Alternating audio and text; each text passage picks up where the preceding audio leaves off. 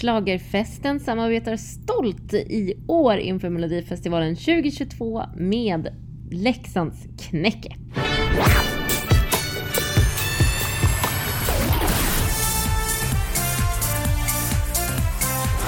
Hej hallå och varmt välkomna till Schlagerfesten. Jag som heter Elaine sitter här på ett fantastiskt hotellrum i Miami och eh, därför har ju inte jag varit på plats i arenan. Jag och Anders är på olika platser. Jag Däremot har ju försökt hitta lite grann digitalt. Men jag vill börja med förstås att säga hej Anders! Ja men hallå hallå på dig Elaine, jag hoppas att du har det fantastiskt på semestern. Det är ju kul det här att det går att göra saker på distans ändå, att vi ändå kan prata med varandra. Det är, det är fantastiskt måste man säga. Ja visst är det det och det blev ju lite tokigt att vi spelade in vårt avsnitt så tidigt just den här gången eftersom det har hänt en hel del sedan dess. Bland annat så har vi ju en liten nyhet när det kommer till hur vi ska rösta och hur resultatet kommer att visas. Så Anders, du som har koll och inte har druckit 30 glas champagne om dagen i en vecka, kan du berätta vad det innebär? Ja, sen vi spelade in det här avsnittet eh, som vi la ut i onsdag så har det ju skett en del med reglerna. Eh, man har ju gjort en förändring här som inte blir en jättestor förändring för tittarna men som möjligen blir en väldigt stor förändring för eh, resultatet. Eh, det kommer att fungera så här att eh, vi röstar precis som vanligt i appen eh, och eh, sen avbryter man. Så att när den första omgången är klar eh, så kommer helt enkelt den låt som har fått flest röster, då är den klar för final. Då annonserar man vilken det är. Eh, och sen fyller man på med nya hjärtröster så att man får fem nya eh, röster på de sex kvarvarande låtarna. Så att efter den första omgången är liksom ingen utslagen. Eh, och eh, så röstar vi igen och sen så kommer vi få eh, en eh, så här hederlig poängräkning helt enkelt som vi har i finalen annars. Där vi får varje åldersgrupp för sig som ger sin 12, sin 10, sin 8, sin 5, sin 3 och sin 1 eh, för alla åtta grupper, då, sju åldersgrupper plus telefonomröstningen. Så jag tror att det här kommer att bli väldigt, väldigt spännande. Ja, det låter ju onekligen väldigt, väldigt spännande i alla fall. Men du säger att det kanske inte gör någon skillnad för tittarna, men nämner att eh, det kan göra stora saker med resultatet. Vad är det du tänker då framförallt för konsekvenser på resultat? Ja, det där vet vi ju naturligtvis inte riktigt, men jag har tittat lite historiskt på det och det är faktiskt så. Vi har haft de här åldersgrupperna i appen i tre år nu, vilket innebär att vi har haft 12 stycken deltävlingar eh, där vi har eh, använt eh, åldersgrupperna. Och i 10 av de 12 deltävlingarna så är det också det är alltså samma bidrag som har fått flest röster som också har fått eh, flest poäng. Eh, det är två undantag och det var eh, eh Anna Bergendahl och eh, Dotter. Eh, där Anna fick flest poäng och Dotter fick ungefär 20 000 röster till. Eh, och vi hade också John Lundvik mot Bishara där John Lundvik fick flest poäng men Bishara hade 30 000 röster eller någonting sånt eh, fler. Så att om det är väldigt, väldigt jämnt, eh, för vi pratar ju nu om kanske upp eh, långt över miljonen röster, en och en halv miljon eller så, och det ändå bara skiljer kanske 10, 20, 30 tusen. Ja, men då kan det här bli en annan vinnare än vi skulle fått så att säga med poängberäkningen. Men med största sannolikhet så får vi fram samma vinnare i alla fall, så det kommer nog inte påverka jättemycket. Men det är klart att det här röstningsmomentet med poängutdelningen i slutet kommer ju bli extremt spännande. Ja, men verkligen. Jag, jag hann ju faktiskt se den delen av genrepet och det känns som att det kan bli riktigt spännande. Just på genrepet var det ju Shirley som fick alla poäng. Det tyckte jag var härligt för henne. Men du Anders, det finns ju också andra grejer som har hänt sedan vi spelade in sist och hörde sist. Bland annat sitter du ju i Globen just nu. Det är ju trevligt. Eh, vet vi någonting mer nu eh, om vart vi kommer vara resterande veckor? Visst, visst är det väl så att vi vet det? Eller? Ja, det har ju varit lite eh, fram och tillbaka och jag eh, kan väl avslöja redan nu då att det, det skämtas en hel del om Thomas Ledin i kvällens program. För det är så att eh, Thomas har ju eh, sin 70-årsfest med konsert eh, bokad i Globen samma helg eh, på fredagen då, dagen innan som Melodifestivalens deltävling 4. Så att SVT och Live Nation har ju försökt att få Thomas Ledin att flytta på det här men han har ju vägrat. Och det tycker jag att han gör helt rätt i. Jag menar varför ska han flytta på sig för Melodifestivalens skull? så det har ju varit väldigt, väldigt osäkert vart vi ska. Men idag eh, på dagen när vi började med presskonferensen så berättade Karin Gunnarsson då från SVT att vi kommer att vara i eh, Avicii Arena, alltså Globen, deltävling 1, 2 och 3 och sen flyttar vi helt enkelt hela schabraket till Friends Arena och kommer att köra deltävling 4, semifinalen och finalen där och det kommer ju då vara med full publik om man lyckas sälja biljetter nog. Eh, man ska inte överskatta tror jag stockholmarnas intresse för att springa på Mello i sex veckor i rad. Framförallt tror jag kanske att semifinalen i Friends kan bli en lite småödslig historia och kanske inte blir särskilt mycket folk på, på genrepet. Men eh, så fort restriktionerna har släppt så, så är det åtminstone fritt fram att sälja ut. Eh, så att jag hoppas ju att det ändå blir mycket folk såklart, för det blir ju väldigt, väldigt mycket roligare tv på det sättet. Men okej, vad härligt att veta vart vi kommer att vara någonstans. Det känns tryggt att det, det finns en plan. Men jag är ju förstås väldigt, väldigt eh, ja, nyfiken och eh, lite eh, avundsjuk på att du har fått vara i Globen idag i Mellobubblan. Hur har det varit? Jo, men det har varit ganska skönt tycker jag att vara i Globen idag. Det är ju en fantastisk arena både för oss i pressen eh, men det är också en fantastisk arena för artisterna och för teamen och alla är liksom jätteglada över att vara här. Vi tycker egentligen mycket bättre om Globen än om Friends. Eh, men det är klart, Friends tar mer publik så i ett normalfall så är det klart att kan man sälja 30 000 biljetter före 12 000 biljetter så är det det man kommer att välja. Det, det är liksom inga konstigheter. Men det är väldigt skönt att vara tillbaka här i, i Globen. Eh, och det är också väldigt, väldigt roligt att vara på plats och se repetitioner på riktigt och höra liksom eh, lite skvaller och höra lite hur det pratas mellan raderna och så där under pågående repetitioner. Eh, igen, för det fick vi inte göra förra året. Då fick vi se det hemifrån soffan, vilket hade sina fördelar såklart. Eh, men, men överlag, vi har sett eh, hela eftermiddagen då alla artistrep. Eh, vi har sett alla eh, artister köra sina rep några gånger eh, och vi ser att det fixas och finulas lite här och där och det ändras någon vinkel, det läggs till någon kamera och det, ja, man ändrar någon färg, man byter någon lampa och lite sådana saker som liksom pågår hela tiden och så går man därefter sitt framträdande då till viewing room och tittar på det ihop med artisten, ihop med teamet, eh, ihop med SVT och finslipar ännu mer och så håller det på så tills vi är framme i, i sändningen då på, eh, på lördag.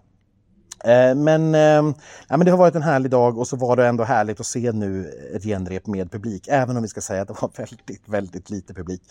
Eh, jag vet inte om det beror på att man inte har sålt mer eller om det beror på något annat, att man inte har släppt ut mer. Jag vet inte, men jag tror inte att det var mer än 150-200 pers Eh, i Globen nu. Man täckte inte parketten trots att stolarna står ganska vitt spridda. Det måste ju vara en meter mellan sällskapen fortfarande. Eh, så att man fick väl inte riktigt den där eh, liksom livekänslan kanske, men det var ändå liksom publikarenan. Det var liksom handklapp och sådär och det, det, var väldigt skönt att se. Sen använder man fortfarande, märker man i, i genrepet nu, pålagda publikljud och pålagda publikskratt och sådär. det, det får väl vara okej att man fuskar lite på det här viset för det, det blir lite ödsligt i i arenan annars. Ja, det förstår jag verkligen. Jag, jag satt ju som sagt och tittade på länk lite grann på det här genrepet och det kändes väldigt konstigt med så lite, lite folk. Men du, ta oss igenom programmet då, du som såg det utan störningar och live i Globen. Öppning, mellanakter, Oscar Sia, hur skötte han sig och liksom hur var programmet i allmänhet tycker du? Jo, men det, det börjar med en väldigt vacker film skulle jag säga som jag tror att man har fått ändra nu då i sista stund eftersom vi inte är i Malmö. Jag tror att den kanske skulle ha presenterat Malmö snarare än Stockholm, men nu blir det Stockholm istället. Eh, med eh, en väldigt vacker film helt enkelt som övergår till att Tusse, förra årets vinnare, sjunger eh, Voices i, eh, i Globen. Och sen kommer vår programledare Oscar Sia in och sjunger sista refrängen med honom och det blir väldigt mycket dansare och barnkör och grejer på scen. Och det hela är faktiskt ganska maffigt och tycker jag väldigt ja, men lite pampigt. Man får lite av den här känslan att nej, men nu, nu måste vi börja starta om det här. Nu måste vi våga eh, börja om. Vi måste samlas igen. Vi, vi, vi är glada över att vi får möjligheten att göra det här på riktigt.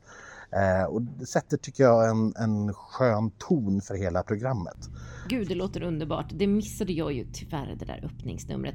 Eh, på tal om det här, jag frågade ju om Oscar Sia, hur han skötte sig. Vi har ju också Farah Abadi som vi har hört eh, ska vara med. Men hur funkar fördelningen där mellan eh, Farah och Oscar eh, känns det som. Eh, Farah var ju inte med på kvällens genrep såg jag. Men hur är tanken? Ja, Oskar är ju den som är ensam programledare men han har hjälp av Farah. Hon var inte med ikväll på grund av ryggont. Eh, så att hon hade en stand-in men Oskar springer runt och jag tycker att Oskar är väldigt, väldigt rolig. Han får lite dålig respons nu ikväll av genrepspubliken men han har väldigt mycket små inklippta skämt här och där man, som man missar om man inte lyssnar ordentligt. Men han är faktiskt väldigt, väldigt rolig. Tycker också han känns väldigt, väldigt självsäker. Eh, han har kul pausnummer som han gör. Vi har också en gäst, eh, Erik Sade som är, gör ett litet medley av sina mellolåtar. Och det måste jag säga, det är ju en, en milsvid förbättring jämfört med Lena Philipsson förra året som började första deltävlingen med att sjunga sin nya singel. Som ju inte har alls med Melodifestivalen att göra. Så att jag tycker att man har hållit det här på ett väldigt, väldigt bra sätt. Oscar är otroligt imponerande. Nu under genrepet var det några tekniska strul. Eh, Robin Bengtsson var tvungen att sjunga om till exempel för att det hade varit lite ljudstrul i början på, på hans nummer och Oskar Oscar har fått stå och improvisera helt fritt i flera minuter. Det är ganska långa sträckor som han har fått improvisera fram. Han har klarat det alldeles galant. Så att jag tror att det här kommer bli jättebra sex veckor. Jag är väldigt, väldigt positiv efter det här programmet faktiskt. Jag tycker att det finns mycket kul inslag Eh, och allting liksom känns relevant, känns uppdaterat. Och sen är det klart, alla kommer inte älska allt, självklart inte. Men jag, det är milsvid skillnad från, ni som har lyssnat på oss några år vet ju att jag har gnällt över de här programmen och manus och innehåll i så många år. Eh, med några få ljuspunkter. Nu tycker jag att det här, det här är den klassen jag vill ha. Det här tycker jag är det här är kul TV. Jag skrattade mycket, några gånger riktigt, riktigt högt. Eh, Oskar har tydligen en förkärlek för lite små snuskiga skämt som är lite dubbeltydiga och det är en humor som, som även jag delar som jag tycker är väldigt, väldigt rolig. Så att jag tycker att alla ska se fram emot en, en, en kul eh, tv-kväll helt enkelt. Ja, Oskar är, är svinduktig. Okej, härligt. Jag, jag hörde ju lite grann som sagt, även om det hackade otroligt för mig här i Amerikat. Men jag tycker också det känns väldigt, väldigt lovande. Kul att höra att Eh, min känsla stämmer. Men det som folk är nyfikna på är ju förstås också hur artisterna håller. Hur ser numren ut och vilka har utvecklats mest under veckan? Vad, vad kan vi förvänta oss och framförallt, vad tror du nu då? Har du någon tippning klar? Ehm, um, I mean vi har ju sett, eh, vi har egentligen inte sett så mycket av artisterna tidigare. Vi får ju bara ett, ett klipp på torsdagen så vi får inte se första repet egentligen utan vi får ju bara ett videoklipp av det som hände under torsdagen.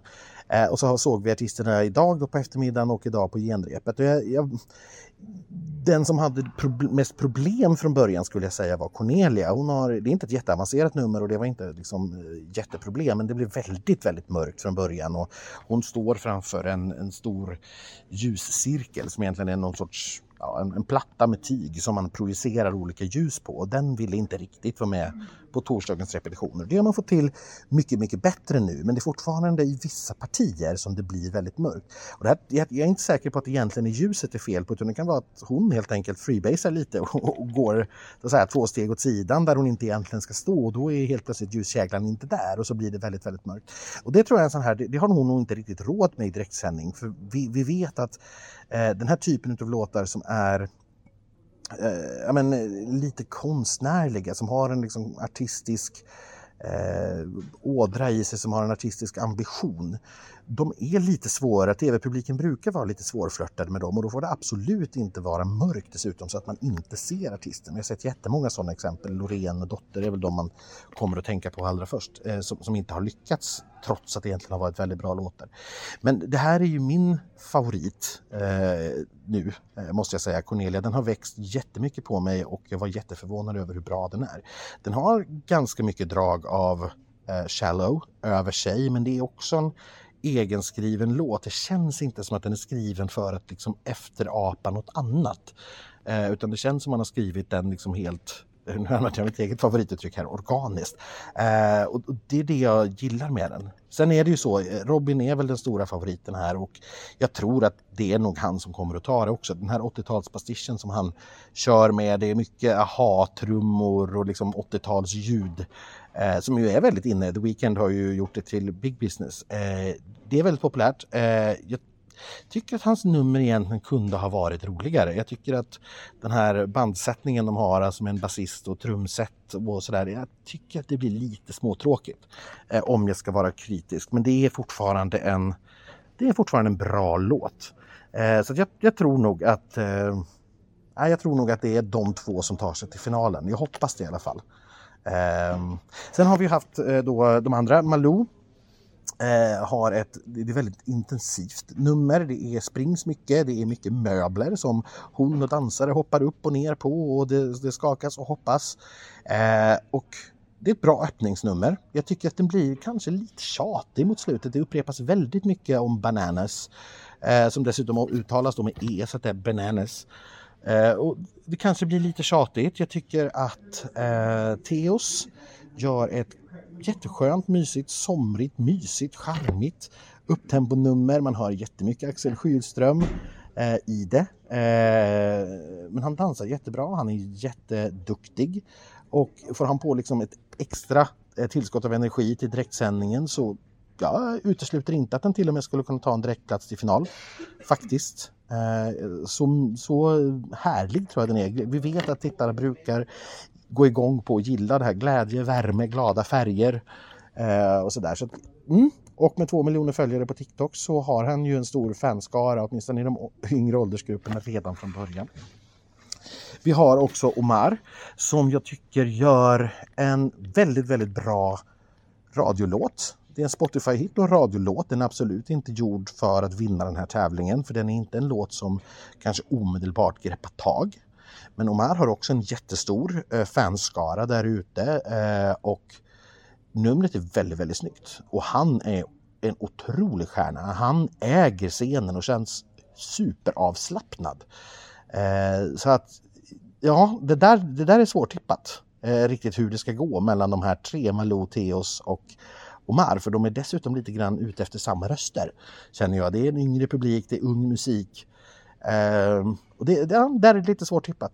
Sen har vi då Danne eh, Stråhed och eh, Shirley och det här är låtar som jag, nej jag är ledsen, alltså jag pallar inte, jag klarar inte av det.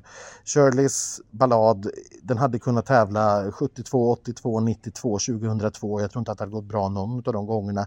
Den känns tidlös om man vill vara snäll.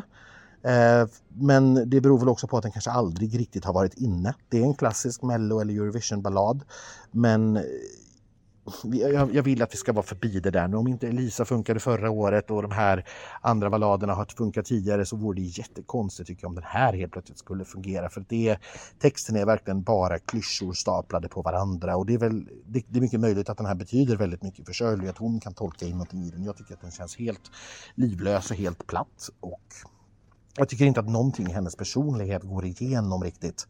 Eh, I den här, för hon är ju en jättehärlig person. Vi älskar ju Shirley. Och när man ser henne i vykortet innan, eh, vykorten är för övrigt eh, Farah då som har eh, varit och träffat artisterna både när de repar och eh, liksom under veckan här då på Globen också.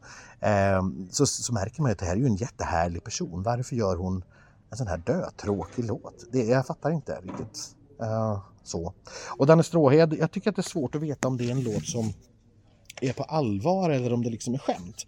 För att den låter ju som skämt. För hon, han sjunger ju om Ladadido och Halalalabaloo och, och, och så rimmar det på Gyllene skor och syster och bror och sådär. Och så är det liksom väldigt larvigt egentligen. Och det behöver inte alls vara liksom fel. Jag kan gilla larvigt.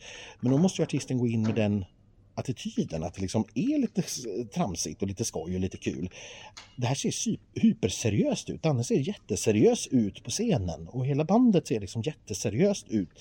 Och då får jag inte ihop det här och, och jag, det, här, det blir för larvigt för mig helt enkelt. Så att när jag då till slut ska försöka tippa detta, jag, jag landar ändå i att det blir Shirley och eh, Danne som hamnar i botten. Eh, och sen, mm, det är svårt, men jag tror att Malou tar femteplatsen. Jag tror att Omar och Theos Eh, tar sig till semifinal och jag tror att Cornelia och Robin är de som tar finalplatserna. Men det är verkligen så att jag känner både Omar och Theos kan mycket väl utmana om finalplatserna. Eh, om de får till live och tittarna liksom är på det humöret. Jag tycker det är jättesvårt att veta. Ja herregud, det verkar ju verkligen som att jag kommer missa riktigt spännande deltävling. Eh, jag kommer landa på söndag och vara helt chockad över resultatet kanske. Eh, spännande ändå att inte veta direkt på förväg eh, vad som kommer att hända. Det tycker jag är roligt. Vi har ju eh, Anders nu eh, sen också fått en liten publikomröstning och då menar jag liten bokstavligt talat. Det var inte så många i publiken men Melodifestivalklubben har ändå frågat de som var där och på den lilla omröstningen så är det Robin Bengtsson i topp med 26,3 procent av rösterna och Cornelia Jacobs tvåa med 21,1. Omar han är tätt efter med 19,5 och Teos han ligger på 18. Bananas 8,3 så att vi kanske kan utesluta Malou ändå men mellan tvåan, trean och fyran här så är det väldigt tajt. Det blir en spännande kväll i morgon. Jag hoppas att ni alla har en riktigt härlig mellokväll. Och så hörs vi på söndag. Då pratar jag och Anders om en liten sammanfattning och så hör vi om det har hänt någonting där borta på Globen efter sändning imorgon. Ha det så bra tills dess. Trevlig mello!